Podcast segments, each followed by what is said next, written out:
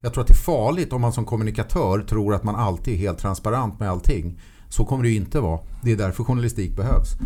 Eh, därför, och det behöver inte vara några liksom djupkorrumperande saker, att man döljer saker som är kriminellt eller så, som i extremfall. Utan det är bara så att alla bolag och sånt där har, en, har ett intresse av att berätta en viss story om sig själv. Och journalistiken kan ha ett intresse av att berätta en annan historia om det här bolaget som stör varumärkesvården eller kommunikationen. Mm.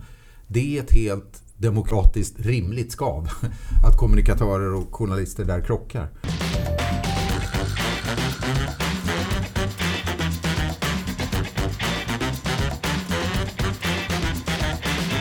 Ja, så där rullar vi ett nytt avsnitt här av Kommunikation med Svensson och Mattesson. Och eh, och Anders, vi träffade ju nyligen Jan Helin på hans kontor i Stockholm med SVT-huset på, på Gärdet.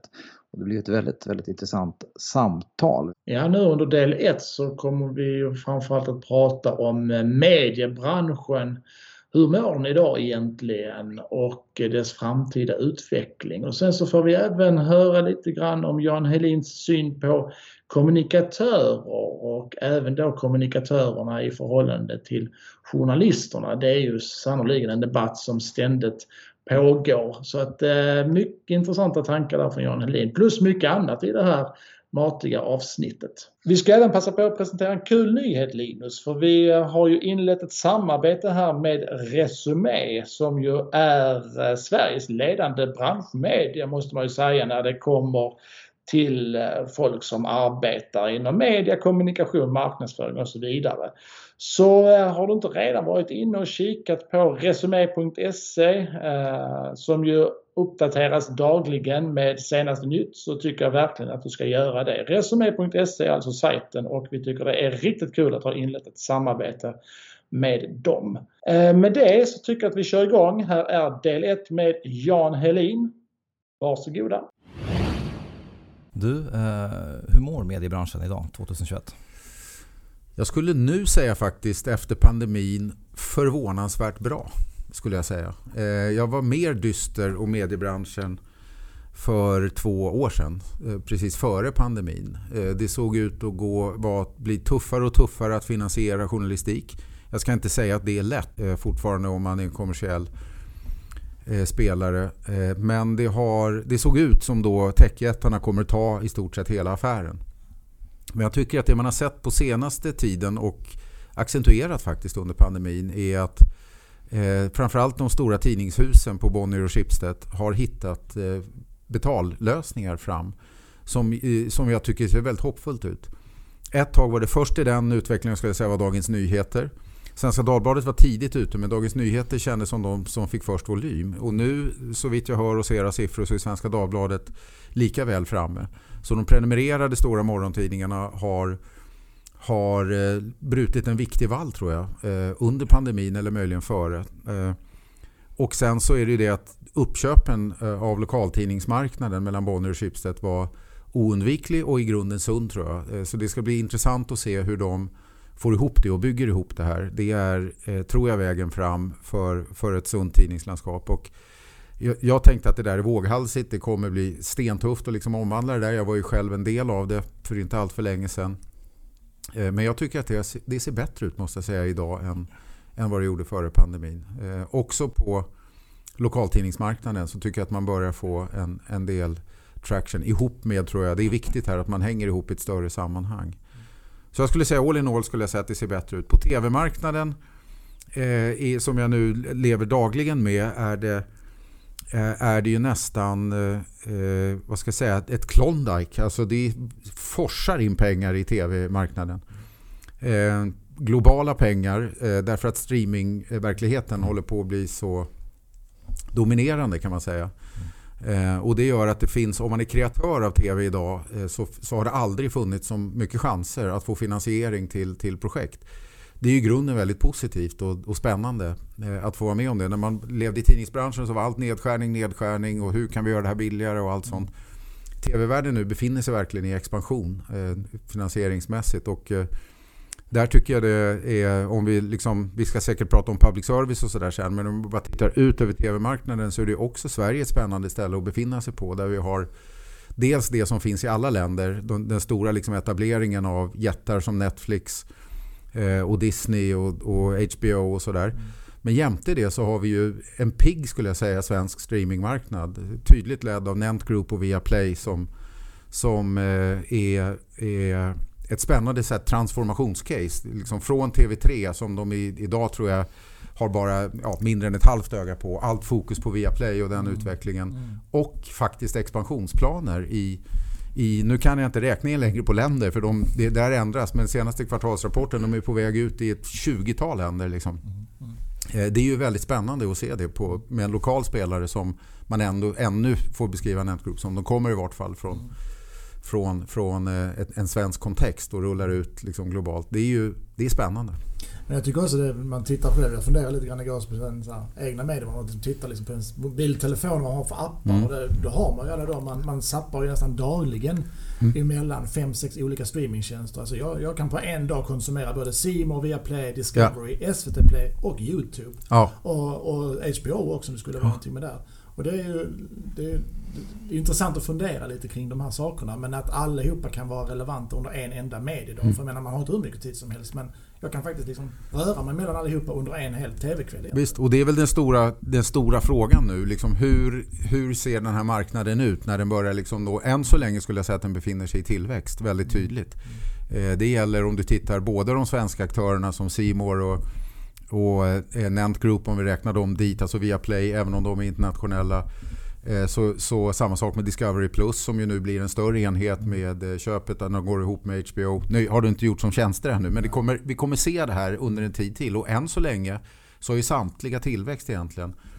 Eh, och frågan är bara hur många streamingtjänster kommer ett hushåll att abonnera på? Att det är fler än en, det kan vi nog utgå ifrån. Men hur många är det utöver det? Det är en stor fråga än så länge. Och eh, svaret, jury still out. Men, men det, det, är härligt och spännande att, att få befinna sig i en medievärld som är i en sån tydlig tillväxt just nu. Ja, för det är just det här att eh, det har ju tydligtvis de senaste åren trenden är att vi lägger allt mer pengar på media.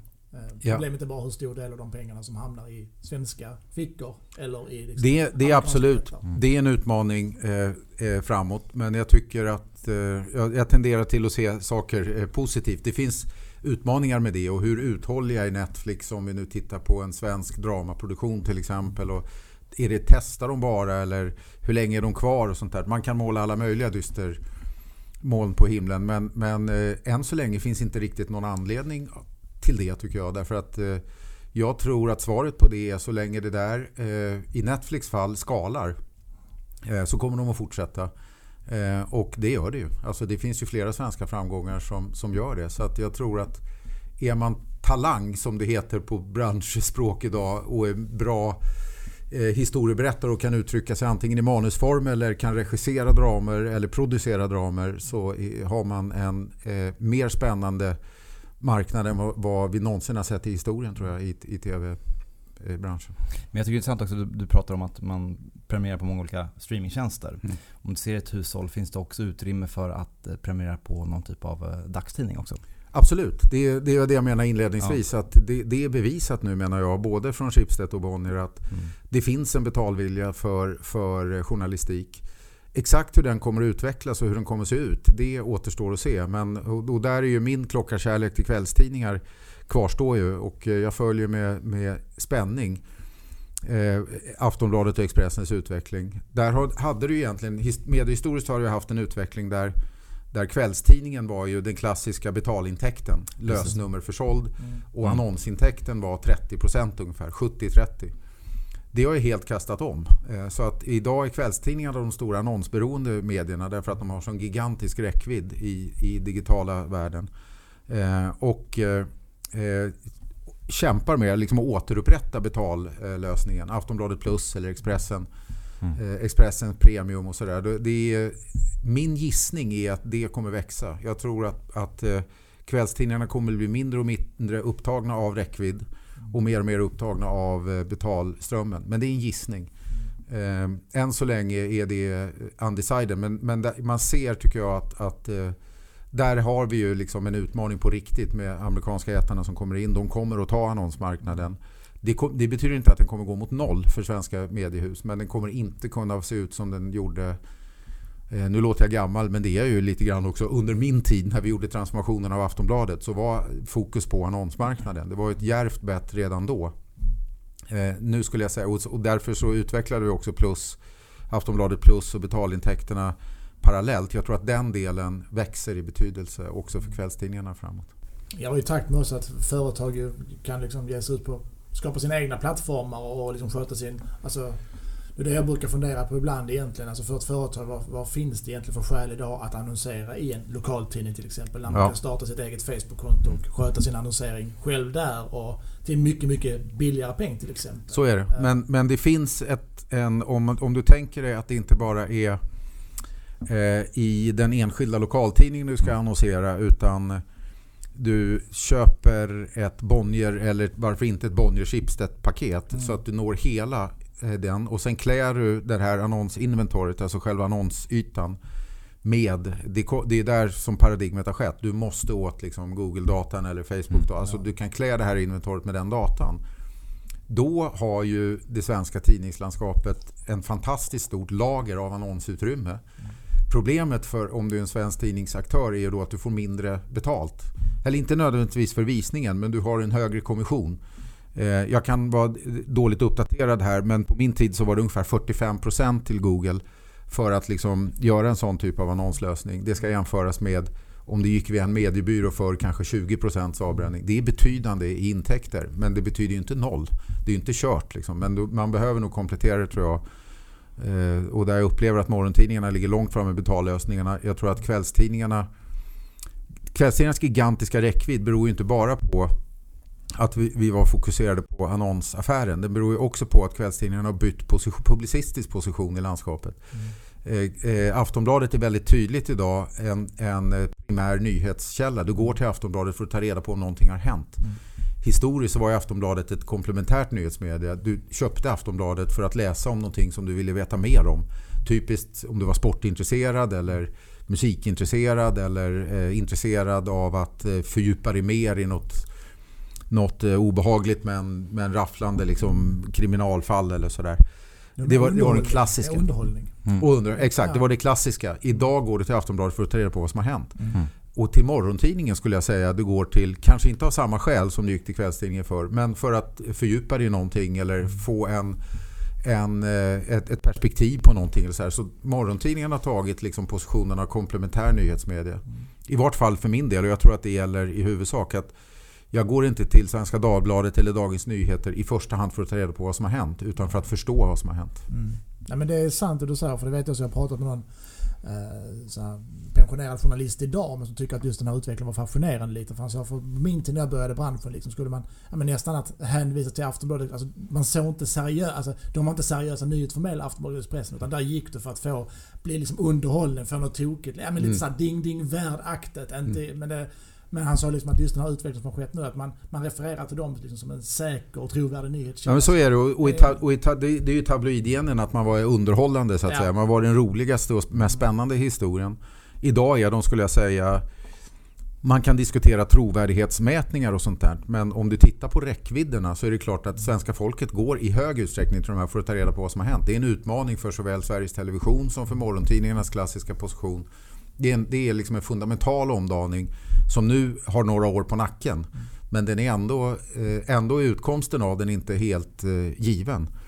Eh, och då har vi ännu inte börjat prata om, om public service men, men, men tittar vi på, på utmaningen för kvällstidningarna tror jag är det där som var så roligt med kvällstidningar förr. Och det här säger jag inte nu för att jag sitter på läktaren och tittar på hur Aftonbladet utvecklas sedan min tid. Utan det här var i höggradigt aktuellt också på min tid. Mm. Vad är det jag ska betala för? Mm. Därför att den underhållande delen där, där kan man nog säga att eh, kvällstidningarna är inte tuffast på kvarteret längre. Det är sociala medier som det går för den typen av förströelse till. Så vad är det i kvällstidningen du ska betala för? Det tror jag är en, en jättefråga. Eh, att du går dit, de har publiken, det behöver du inte fundera på. Men man kommer dit för att ta reda på vad som har hänt. Men det är man å andra sidan mindre benägen tror jag betala för. Det, det utgår man ifrån att det kommer jag få reda på. Mm. Ja, men ungefär som jag har sagt samma sak. Att det är svårt att ragga prenumeranter genom blåljusnyheter till exempel. Där blåljus ja, kommer dra till sig mycket publik. Men det är ingen som vill betala för blåljusnyheter. Nej, nej, det, nej, så är det ju. Och morgontidningen betalar du för skulle jag säga för fördjupning. Du vill mm. veta lite mer, du vill bli lite smartare och sådär. Mm. Mm. Det är möjligt att kvällstidningarna kan gå in i den också. Men där är, det, där är ju morgontidningen traditionellt starkare positionerad. Precis. För något år sedan så hörde jag, det, du har ju varit sagt, chefredaktör upp Aftonbladet i åtta år så jag tänker det är ingen som finns bättre att fråga än dig. Jag har hört eh, ryktas i branschen att Aftonbladet har positionerat sig så pass bra digitalt och har liksom den läsaraffären igång så att man skulle rent faktiskt kunna lägga ner papperstidningen och ändå finnas dagen efter. Ja, absolut. Ja. Så, så är det. Och de, den brytpunkten nådde vi redan under min tid. Mm. Då var det mer teoretiskt. Det var stora intäkter i papperstidningen och eh, det höll upp omsättningen och det vet alla som driver ett bolag, det är bra med hög omsättning. Även om marginalen på papperstidningen sjönk hela tiden. Eh, så, så höll vi upp den genom egentligen att prisöka. Eh, och vi gjorde eh, avancerade såna här prisberäkningsmodeller, så kallade konjointmodeller. Där man frågar egentligen kunderna en, ett frågebatteri runt. Liksom, för att ta reda på. För frågar du vad, så här, vad är du redo att betala för det här så kommer du få fel svar. Mm. Du vill veta vad du faktiskt kan betala. Mm. Den typen av undersökningar och modeller höll vi på med mycket och drev liksom upp priset i takt med att liksom upplagan föll och höll på det sättet uppe eh, intäkterna. Men det är klart att det har, en, det har ett slutdatum. Men vi gjorde det trygga i förvissningen om att redan då så nådde vi en brytpunkt att om, om det här går snabbare än vad vi har beräknat så, så kommer Aftonbladet att ha en, en, eh, en, inte bara god affär utan till och med bättre marginal och klara att finansiera en stark redaktion på, på bara. Och idag skulle jag säga det är no-brainer. Eh, den brytpunkten Aftonbladet och, och Expressen också tror jag igenom sedan länge. Vilket är ju glädjande. Orosmolnet där det är vad som händer med annonsaffären. Mm. För det, och det får jag ta på mig. Vi gjorde Aftonbladet väldigt annonsberoende mm. jämfört med hur det var tidigare. Mm. Det, och det, den utmaningen kvarstår. Mm. Absolut. Du hoppar lite till, eh, till journalistyrket. Någon, någon yngre individ, ungdom idag, som är mm. sugen på att utbilda sig till journalist. Mm. Skulle du rekommendera det? Ja, det skulle jag faktiskt. Eh, därför du är tvungen att säga det. jag, jag är inte tvungen att säga det. Jag menar. Ja. Jag är inte tvungen att säga det, men eh, jag tycker ju fortsatt att eh, journalistyrket är det mest spännande, det roligaste eh, som man kan eh, ägna sig åt. Ehm, det är ju så att det, det, låter ju patetiskt nu men sanningen är ju den att jag har ju liksom inte jobbat som producerande journalist på ja, 20 år i underdrift, det kanske är 25 år till och med. Mm. Utan jag bara jobbat i ledande ställningar. Men jag, jag ljuger inte och det är inte bara en så här rolig sägning. Men jag, varje dag saknar jag liksom att uttrycka mig. Skriva eller i talande form eller i tv-form numera. Eh, så saknar jag det. Och det är någonting som jag tror eh, det är styrkan i liksom journalistyrket. Däremot skulle jag råda en ung person idag att lära sig lite andra saker än vad journalister lärde sig förr. Det, är ett yrke som tydligt tror jag får en ändrad kompetensprofil framåt. Mm. Tidigare var man, när jag började så var man generalist. Mm. Alltså du, kunde du berätta en story i största allmänhet så, eh, så var det en bra idé att bli journalist och du kunde få ett, ett bra jobb på det på en tidning eller så. Idag skulle jag säga det, det finns ju fortfarande storytelling-förmågor för att använda så här corporate-ord men att du är en god berättare.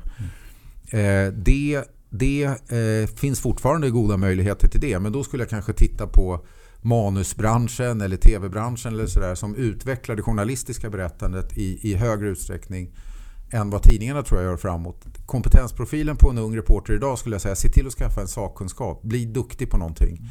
Det kan vara fotboll, inrikespolitik eller hälsofrågor eller vad det nu är. Men det tror jag blir, alltså ämnesreport, specialistreporten tror jag har en, eh, en, en stark framtid och eh, eh, jag tror att det här brukar man inte gilla att höra om man har stora redaktioner och ska organisera sig och sådär. Men, men det är framtiden för journalistik att bli, bli väldigt, man kommer behöva färre generalister, fler specialister. Mm. Eh, och det, det, är klart, alla de här gamla vapenslagen kommer finnas kvar. Att du är en bra stilist, en bra story, det kommer inte riktigt gå ur tiden. Men det som kommer växa tror jag är para journalistisk förmåga med, eh, med eh, verklig fackkunskap och sakkunskap.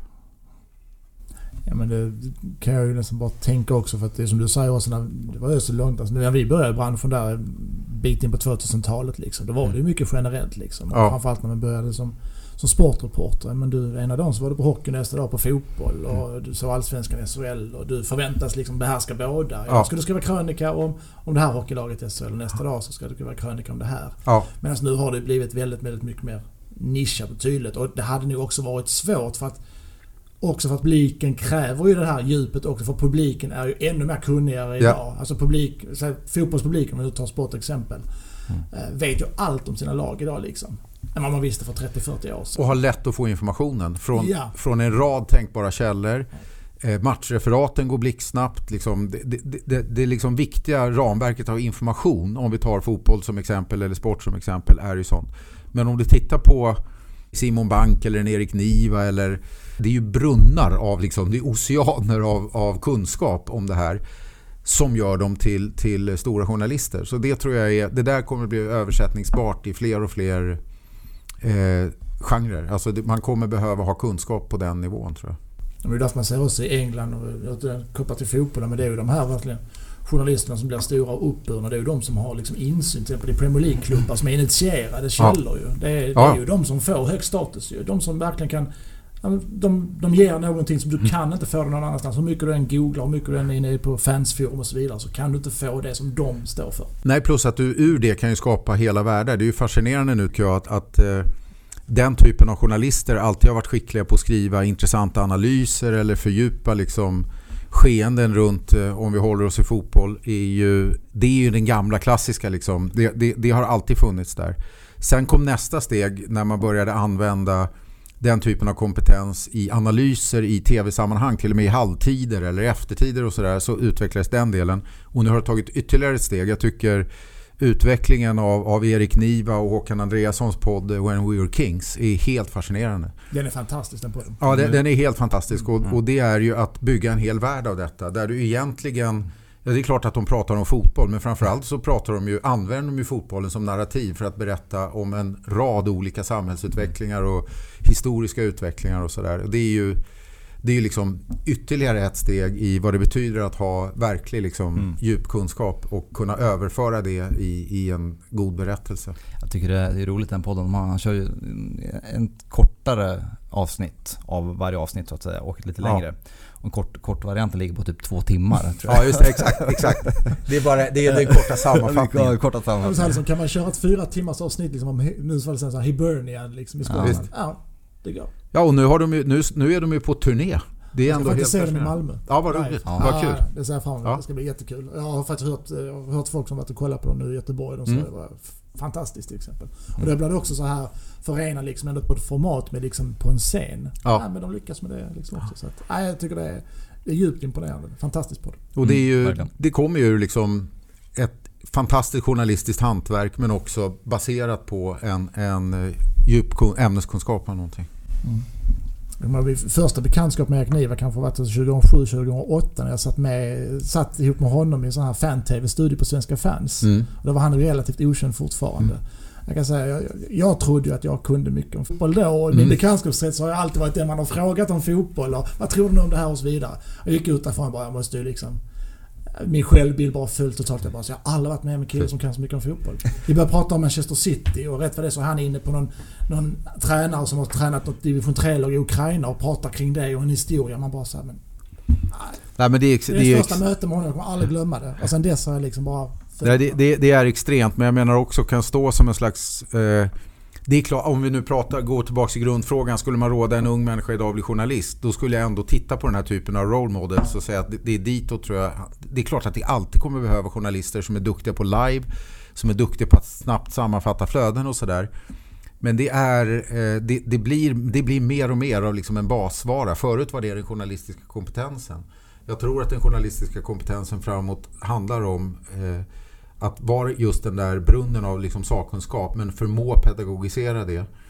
Eh, och inte, bara för att, inte alltid bara för att berätta det själv utan också för att kunna ställa rätt frågor och kunna få rätt saker ur experter så måste du idag vara mer on par tror jag med, eh, med, eh, med kunskapen, expertiskunskapen. Jag, jag tror det. Det är i vart fall min teori att journalistiken går dit. Därför att jag tror också att det, det, handlar mer och mer, när, när nyhetsflödet blir nästan som kranvatten, alltså det är helt självklart att du kommer få reda på vad som hänt. En ung människa idag tror jag inte ens bekymrar sig över vilken är den bästa nyhetskällan, hur ska jag få reda på vad som har hänt? Utan en, en ung människa idag, om jag tittar på mediekonsumtionen, bryr sig mer om frågor, hur ska jag förstå vad som har hänt? Var, var den här händelsen viktig? Hur kan, alltså, I vilket sammanhang kommer den? och så där. Det är inga nya frågor för journalistiken, men jag är helt säker på att det är de som accentueras. Eh, och det, det är... Därför kommer journalistyrket också framåt vara det roligaste man kan ägna sig åt. Ja, för jag brukar säga ibland så problemet är inte liksom bristen på information. Problemet är bristen på de som kan paketera den och göra den begriplig och sätta ett sammanhang och så ge ett djup. Och då är journalistik är ju liksom en berättarmetod. Det kommer säkert leda oss in på liksom var, var eh, synen på journalistik är idag. För där, där är jag mer anledning, eller där är jag mer bekymrad. Men eh, det har ju att göra med eh, Journalistik är ju en berättarmetod egentligen. Det finns många sätt att berätta en historia. Journalistik är en metod som tar bort eh, eh, eventuella ekonomiska intressen. Varför historien berättas. Det tar bort eh, din, dina, om det är ett bra hantverk tar det bort din egna liksom, åsikter i, i ämnet. Och någonstans där, det räcker med att säga de två sakerna så kommer vi nu ha en, mm. en debatt om att eh, så är journalistiken inte. Den är partisk och den driver liksom stora partsinlagor och sådär. Och egentligen på ganska osaklig grund. Det finns inget, om jag, jag har ändå liksom följt journalistiken under hela mitt yrkesliv. Det finns ingenting nu som visar på någon slags kvalitetsförsämring i journalistiken som gör att den förtjänar den här eh, slentrianmässiga kritiken den får nu. Utan det är helt enkelt en, ett eh, paradigm, en diskussion som håller på att vinna terräng. Eh, där man dels kan använda den här eh, slentrianmässiga journalistkritiken för egna politiska syften. Eh, men också aldrig behöver leda den i bevis. Utan det, det, är så lätt att slänga ur sig sådana saker om journalistiken. Och få någon slags gehör. Att det vet man ju minsann hur journalister är. Jag, jag finner det djupt orättvist. Liksom på ett, det finns naturligtvis exempel när, som förtjänar kritik och som är dåligt utförda. Men tittar jag på helheten efter i vart fall eh, lite drygt halvt yrkesliv med journalistiken så, så tycker jag nog att jag sakligt kan påstå att det har inte blivit sämre, det har blivit bättre. Eh, ändå är kritiken mot medier och journalistik mycket kraftfullare idag än, än vad den har varit tidigare. Och jag tror att det har att göra med att man börjar tveka på journalistikens roll i en demokrati. Utan att kanske egentligen tänka på att det är det man ger uttryck för så är det det som sker. Därför det man är irriterad på det är journalistikens oberoende. Eh, att journalistiken får för sig att det här är viktigt av den ena eller den andra anledningen som absolut bör vara och kan bli mer transparent. Men det är just det här oberoendet, det är ju det som är själva funktionen i demokratin. Att det är inte en historia kontrollerad av ett ekonomiskt intresse eller av ett personligt liksom, åsikt utan av, av en rad andra skäl som skapar en nyhetsvärdering. Det, där finns det ett stort glapp mellan hur eh, Eh, delar av eh, eh, vad ska jag säga, publiken idag förstår journalistik som tidigare inte var där. Eh, utan man, man utgick ifrån att journalister kan ha fel och de kan göra dåligt jobb. Men journalistik är i grunden en bra idé i en, i en demokrati, i en konstitutionen av en liberal demokrati. Det är där man börjar tveka idag. Det, det tycker jag är bekymmersamt. Det är, den är ogenomtänkt och tror jag kommer ur liksom någon slags populistisk era som, som vi lever i. Att det är så lätt att uppamma det här journalistföraktet för egna politiska syften. Eh, och eh, det måste jag till min förtret konstatera att det fungerar. Det är en politisk retorik som fungerar att utnämna journalistik till sitt oppositionsparti som bokstavligen Trump-administrationen gjorde.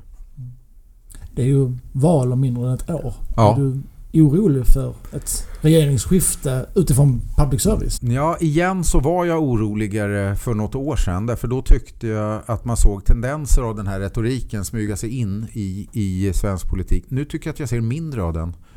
Eh, det fanns ju ett antal flagranta exempel då med politiker som skulle lägga ner den ena eller andra kanalen i Sveriges Radio och sådär. Men jag tycker inte jag hör det lika tydligt längre i, i den politiska debatten. Eh, däremot så hör jag ju att, att public service skulle kunna bli en valfråga till exempel. Det har ju partier gått ut och lovat. Och det är väl inte fel i sig. Alltså, jag kan som företrädare för public service så, är det, så, så tänker inte jag gå i polemik. Alltså, det här är en konstruktion som ytterst liksom är en demokratisk liksom, eh, nyttighet som det beskrivs, en demokratisk nyttighet. Men det är klart att det måste finnas en politisk diskussion om hur brett, högt eller lågt eller stort public service ska vara. Det måste vara legitimt att ha olika politiska uppfattningar om det. Så det tänker inte jag polemisera emot. Det tycker jag i grunden är en, en, en sund debatt runt public service. Det som stör mig lite grann eh, i diskussioner runt public service är att eh, man är så ivrig på att vilja kontrollera public service hårdare. För då ger man sig inte, tycker jag, i, i lag med, med att liksom eh, prata om hur, hur public service ska fungera publicistiskt. Utan man vill egentligen att public service berättar någon annan typ av historier och ger sig på oberoendet. Eh, och det gör man tror jag därför att de kontrollinstitutioner eller instanser som finns, granskningsnämnden till exempel, som är ju en riskkonstruktion egentligen. Alltså, vi är, så vi är så vana i Sverige med att det finns en konsensus från höger till vänster att public service är en demokratisk nyttighet. Så vi har släppt igenom ett granskningssystem som bokstavligen tillsätts direkt av regeringen. Eh, och det enda kravet som finns, eller det enda kriteriet som finns, det är att en om det eh, ska ha varit domare. I, I övrigt kan du utan att begå våld på den här idén tillsätta fem politrucker. Det ska sägas har aldrig hänt. Utan man har varit noga med liksom, sammansättningen av granskningsnämnden. Men konstruktionen är faktiskt så, så skör. Men då om man har det här hornet i sidan till public service så kan man konstatera att den kontrollapparaten har inte lyckats visa det man är upptagen av. Det vill säga att public service lutar åt det ena eller andra hållet politiskt. Eh, och det, vi behöver inte klä orden här. Alltså det finns en mer utbredd uppfattning att public service lutar åt vänster. Men det finns också en uppfattning om att public service lutar åt höger. Mm. Eh, även om den som är lutar åt vänster är mer utbredd. Hur som helst så har granskningsnämnden inte lyckats leda, leda några av de här teserna i bevis. Om vi tittar på utfallen i, i, i granskningsnämnden under de senaste 12 åren så hittar du inga som helst saklig grund för att påstå att det lutar åt vänster eller höger. Eh, och det har utlöst någon slags reflex i debatten på lite olika håll. Att man måste, man måste bevisa den här tesen så man vill stärka liksom, kontrollen av public service på, på olika sätt. Det tycker jag är en mer... Där kan jag ha synpunkter tycker jag mer tydligare än hur brett, lågt eller högt eller stort public service ska vara. Därför att det är, då ger man sig på en publicistisk princip som eh, i, i, eller en demokratisk princip som i grunden menar att själva värdet med att public service finns är att det är en, ett oberoende i det. Så, så ju mer du ökar kontrollen desto mer menar jag att man, att man riskerar den konstruktionen. Och jag tycker att all journalistik har ett demokratiskt värde. Men vi har två sätt att skapa oberoendet som är själva det demokratiska värdet. Båda är riskkonstruktioner. Eh, public service är en riskkonstruktion därför att det omges av ett politiskt ramverk som gärna får debattera hur stora eller små vi ska vara. Det lägger jag mig inte i. Men när man ger sig på liksom, eh, eh själva konstruktionen för oberoendet då, då kan du ha en synpunkt som publicist. Det kommersiella meddelandeskapet är också en riskkonstruktion därför att du riskerar att hamna för nära dina finansiärer. Eh, och därmed begå våld på den andra journalistiska principer, att du låter något ekonomiskt intresse styra det. Också det ser vi ganska lite av skulle jag säga av, i, i kommersiell media i Sverige, men det är en riskkonstruktion. Och bäst mår en demokrati enligt mitt förmenande när båda de här systemen existerar parallellt jämte varandra. Det är liksom en, en dubbelsäkring så att säga för att skapa det som egentligen är poängen med journalistiken demokrati, oberoendet. Och i det ligger att du kan vara förbannad så stickor och spån flyger på vad SVT eller Aftonbladet eller Dagens Nyheter eller Expressen eller Svenska Dagbladet publicerar. Det är själva poängen. Det är liksom inte ett, ett bevis på journalistikens misslyckande utan att skapa de här diskussionerna och, och debatterna är det som kommer ur oberoendet. Eh, och, och, det är alltså oberoende journalistik och det är, det är i grunden sunt. Men jag, jag börjar märka en, en bristande tro på att det har en poäng utan man vill snarare kontrollera vad, vilka typer av historier public service ska berätta och sådär. Och då, då, då blir jag brydd. Finns det ett lager till i den här riskkonstruktionen också med, man säger den, den privata tidningsmarknaden, att allt fler tidningar är beroende av det här mediestödet och så vidare. Framförallt på lokal nivå och så vidare. Att det liksom blir ett lager till i den här risken. Jo. För då, då har man ju inte bara sina finansiärer utan då har man ju beroende av ett mediestöd också. Ja, jo, det, fin det finns det. Eh, den diskussionen finns ju också. Men det har mer att göra med hur man ska liksom utforma eh, eh stöd till media. Det, det finns ju ett pressstöd och sen finns det public service. Och, En del har uppfattningar om att det här är ojämnt fördelat och vill fördela om det. Andra menar att det inte ska fördelas alls. Det bör inte finnas och sådär. Det, det är i grunden också en, en teknisk konstruktion. Eh, och visst, det finns inslag av det. När jag säger att lokaltidningarna eh, visar gott gry igen liksom under pandemin så ska vi inte sticka under stol med att det beror en del på det, de extra stöd som utgick för, för, för en exceptionell situation i pandemin. Eh, men, och låt oss hoppas att det inte bara är därför, och det tror jag inte heller. Men, men det, det finns... Den, den, diskussionen finns ju såklart och den, den har jag heller inte liksom någon anledning att lägga mig i. Det är en sund politisk diskussion som liksom människor ytterst sen bör rösta om hur det ska vara. Jag lägger mig gärna i den men inte under den tid jag har uppdrag för Sveriges Television därför att då kan min uppfattning på den punkten på goda grunder eh, tolkas som partisk. Mm, mm. Därför avstår jag och har liksom några starka synpunkter på just det. Eh, men, men jag tycker att den här är... Det är någonting bekymmersamt med att man eh, Eh, så gärna vill se sina egna uppfattningar speglade i eh, medierapporteringen. Det gäller inte bara public service men det är det som driver det. Och då kan man säga att är man lite historiskt bevandrad vad gäller medier så är det ingenting nytt. Eh, så uppstod medier. Alltså det var tidningar som hade väldigt tydliga väldigt tydliga liksom, uppfattningar om hur världen borde berättas och så stångades de här mot varandra. Idén med opartisk och saklig journalistik uppstår ju på lite olika håll kan man säga men en stark drivare i vår del av världen är ju, är ju uppkomsten av BBC. Så det, det, public service är en, en viktig drivare av den uppfattningen om saklig och opartisk media. Hur ser du på vad ska man säga, alternativa finansieringsmodeller? Man brukar prata om Swish-journalistik eller stöd via Patreon och sådär. Hur, hur, hur, ser du på, på den typen av finansieringsmodeller? Det behöver inte vara fel så länge det är transparent. Eh, transparent, så, så, hur menar du? på? Att, att jag vet att det här är en crowdfundad ja.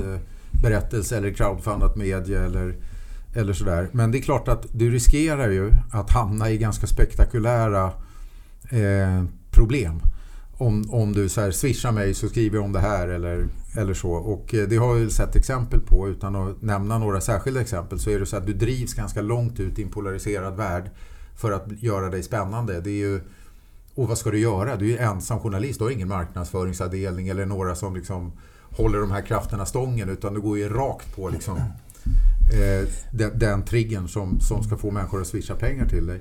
Men jag tycker ju att det är, det är en möjlighet av fler, men det måste finnas flera. Så jag, jag, vill inte helt döma ut det, men jag kan inte säga att det är, liksom, det, det är inte lösningen heller. Jag tror att det går att applicera den finansieringsmodellen på traditionell media? Jag vet, det var The Guardian hade väl något försök, eller kör fortfarande den? Att de, crowdfunding... kör, de kör fortfarande den. Inte utifrån, så vitt jag har sett, enskilda historier, men de, de är ju lite besatta av gratisparadigmet i, på, på nätet, just The Guardian. Eh, och lever ju högt på en stark trust. Liksom, så att de, har ju, mm. de sålde egentligen, det är en fascinerande historia om man jämför med, med Schibsted och Aftonbladet som ju Aftonbladet köpte tidigt Blocket vilket ju länge såg ut som nu har vi löst liksom, hur journalistik ska finansieras. Ägarna hade en annan idé om det som finansiellt kan man säga efterhand visade sig vara rätt. Men det var ju problemet kvarstod. Hur ska vi finansiera journalistik? The Guardian hade en liknande situation med en liknande eh, sajt och sålde den och fick en gigantisk liksom, kapital.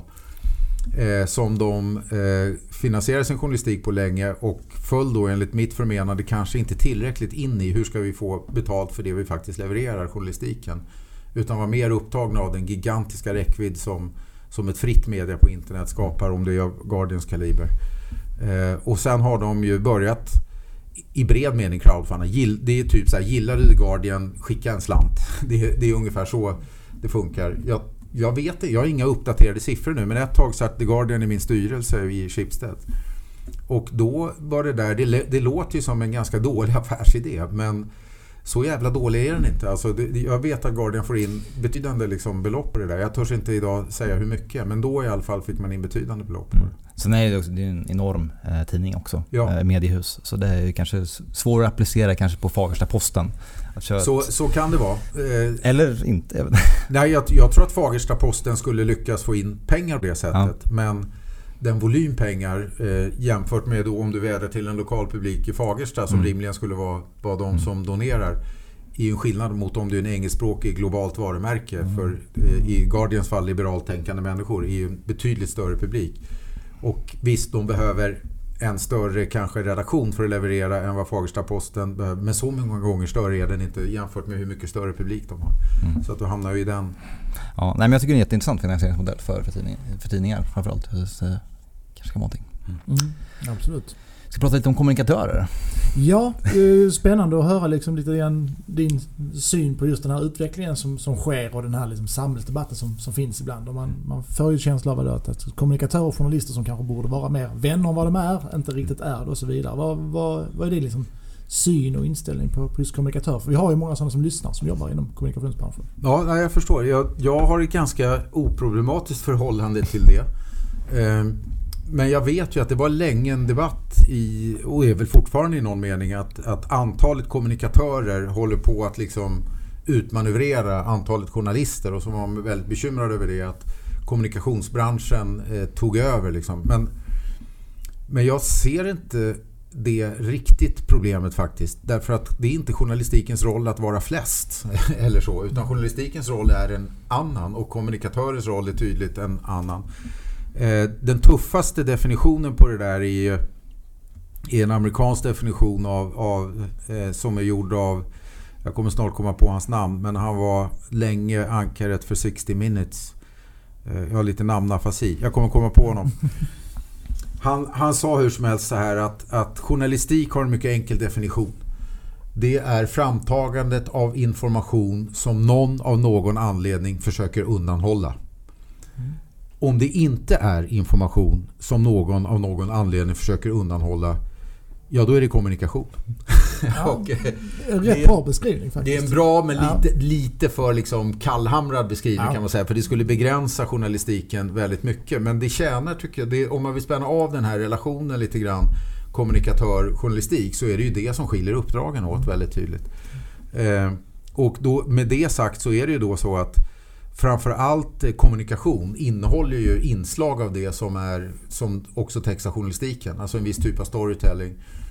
Eh, men där, där uppdragsgivaren oftast är tydlig i kommunikatörens fall. Men ibland kan det ju vara bra för det. Alltså det kan vara bra historier som berättas för det. Det finns ju gubevars liksom reklamfilmer, reklamkampanjer som är liksom bra historier. Ja, som aldrig skulle ha berättats av en journalist till exempel. Som inte skulle ha berättats av en journalist på det sättet. Men min favorit i den genren, den använde jag som exempel länge för att titta vartåt reklambranschen gick. Eh, den heter Run Like a Girl. Och eh, är en kampanj för eh, Always eller något sådär. Alltså kvinnliga hygienprodukter. Alltså typ vid mens, bindor och sånt är, är produkten.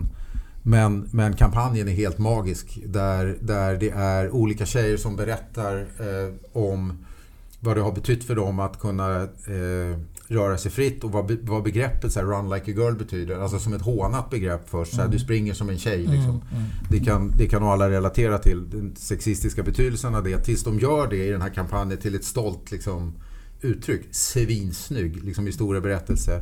Gjord i rörlig bild i video av en erkänd liksom regissör och sådär. Så att det är ju, visst, det är ett så guldexempel. Men vad jag menar är att det är ju, det är inget fel på den historieberättelsen. Men det görs av en anledning och det är att marknadsföra, om det nu var Always eller så här, det är att marknadsföra en produkt. Och det är ju inte journalistik. Det är ju per definition inte journalistik. Men själva den, den berättelsen skulle nog vilken journalist som helst vilja sätta tänderna i på det sättet. Mm. Så, så jag tycker inte att det där är så komplicerat. Det är viktigt att hålla isär distinktionen i meningen varför berättar vi den här historien. Det är superviktigt. Eh, här på SVT är det dessutom, eftersom vi inte har några kommersiella intressen, så har vi en, en kommunikationsavdelning som ju jobbar egentligen med att vad ska vi säga, berätta varför vi berättar de här historierna. Alltså att ta ut vårt utbud på, på massa olika sätt. Eh, och här, här är det ju väldigt helt upplösta gränser egentligen. Sen kan man säga att ibland så här, men det där måste vi hålla gränserna här emellan. Eh, men så mycket håller man ju inte det utan kommunikationsavdelningen är ju inblandad i allt från corporate liksom kampanjer till hur tar vi ut eh, det här utbudet på, på bästa sätt. Så i grunden så tycker jag, jag vet att det finns en spänning emellan det och, och sådär men, men i grunden så är det bara två väldigt olika uppdrag som ibland kan se förvillande lika ut. Det viktiga för, för läsaren, tittaren, lyssnaren det är att jag förstår vem är avsändare och varför berättas den här historien. Ja, och jag, sån här clinchen emellan dem, det vill säga det, det är väl ett tillfälle jag, jag verkligen kan förstå att den uppkommer, jag tycker den är rättfärdigad, det är ju när journalister upp, upp, upplever att kommunikatörer försöker hindra dem i deras arbete. Absolut. Jag har ett exempel, ett exempel uppe i Uppsala till exempel, där SVT var inblandade, där man Mm. upplevde sig bli stoppad och hindrad av en kommunikationsavdelning. Där tycker jag ju att där, där är det ju mer än befogat att, att det uppstår skav och så vidare. Ja, det uppstår skav och jag kan förstå att man blir upprörd. Men i grunden så är det en journalist som kan vara förvissad om, enligt den här eh, definitionen, att han, han eller hon är på jakt efter information som någon försöker undanhålla.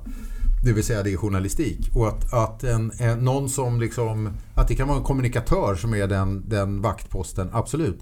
Jag tror att det är farligt om man som kommunikatör tror att man alltid är helt transparent med allting. Så kommer det ju inte vara. Det är därför journalistik behövs. Eh, därför, och det behöver inte vara några liksom djupkorrumperande saker, att man döljer saker som är kriminellt eller så, som i extremfall. Utan det är bara så att alla bolag och sånt där har, en, har ett intresse av att berätta en viss story om sig själv. Och journalistiken kan ha ett intresse av att berätta en annan historia om det här bolaget som stör varumärkesvården eller kommunikationen. Mm. Det är ett helt demokratiskt rimligt skav att kommunikatörer och journalister där krockar. Och det viktiga då är att journalistiken är saklig. Eh, inte kan anklagas för att eh, ha något annat syfte med det här än att det faktiskt är relevant information som man vill ta fram om det här bolaget.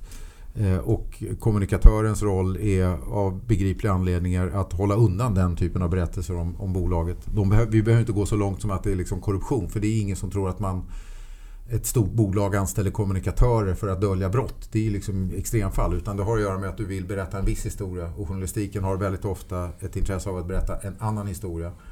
Beviskravet faller här på journalistiken. Är den relevant? Är den saklig? Där uppstår ju skav och olika uppfattningar. Men i grunden en god demokratisk ordning att det gör så. Ja, och jag tror inte precis som du säger heller att en kommunikatör kan aldrig vara 100% transparent. Däremot så kan man ju alltid vara den vad ska man säga, person i företaget som uppmanar. Alltså Ja. putta på chefer, VD och Absolut. andra och förklara konsekvenserna av att om vi inte går ut och är lite proaktiva och försöker berätta det här eller vi försöker tysta ner vad konsekvenserna kan bli Ja. i det här liksom medielandskapet. Och det är där jag ser det. Det är där liksom kommunikatörens roll kommer till bäst användning. Att försöka vara det här interna sanningsserumet ändå så mycket Ja. det bara går. Sen kan man aldrig till 100% vara det. Precis som du säger att man... För man du, du företräder ju ett visst intresse när du är anställd på ett företag. Ja, och jag tänker att som kommunikatör gör man bäst i att erkänna det för sig själv.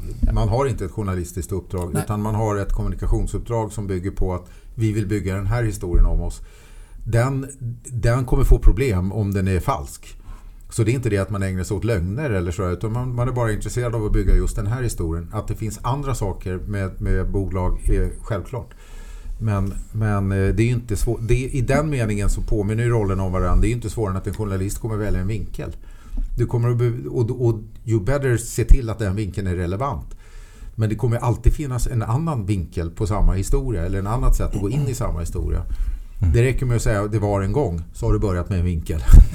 så det är liksom det är, det är oundvikligt och journalistikens roll är att se till att den är relevant Eh, av en rad liksom skäl. Kommunikatörens roll är väl samma sak. Den måste också vara relevant. Men de kommer inte alltid att, eller de kommer aldrig skulle jag säga, att helt överensstämma med varandra. Nej.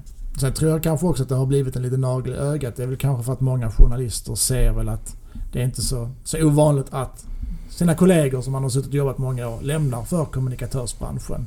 Nej, Det kan ju också ligga till bakgrund också att för steget är inte långt. Nej, men på det vi pratade om inledningsvis med unga människor och sådär som, som det är ju i hög utsträckning samma skillset att vara en bra kommunikatör som att vara en bra journalist. Men, men utgångspunkterna är annorlunda. Eh, Det är möjligen mindre researchtungt att vara kommunikatör än en bra journalist. Men det finns journalister som är ganska researchsvaga men väldigt duktiga i berättandet som kombinerar sig med någon som är researchstark och så vidare. Så det, det är inget ovanligt.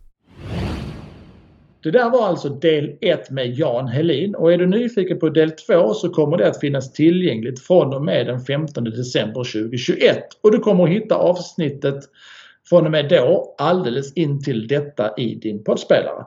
Så fram till dess, ha det bra. Hej då!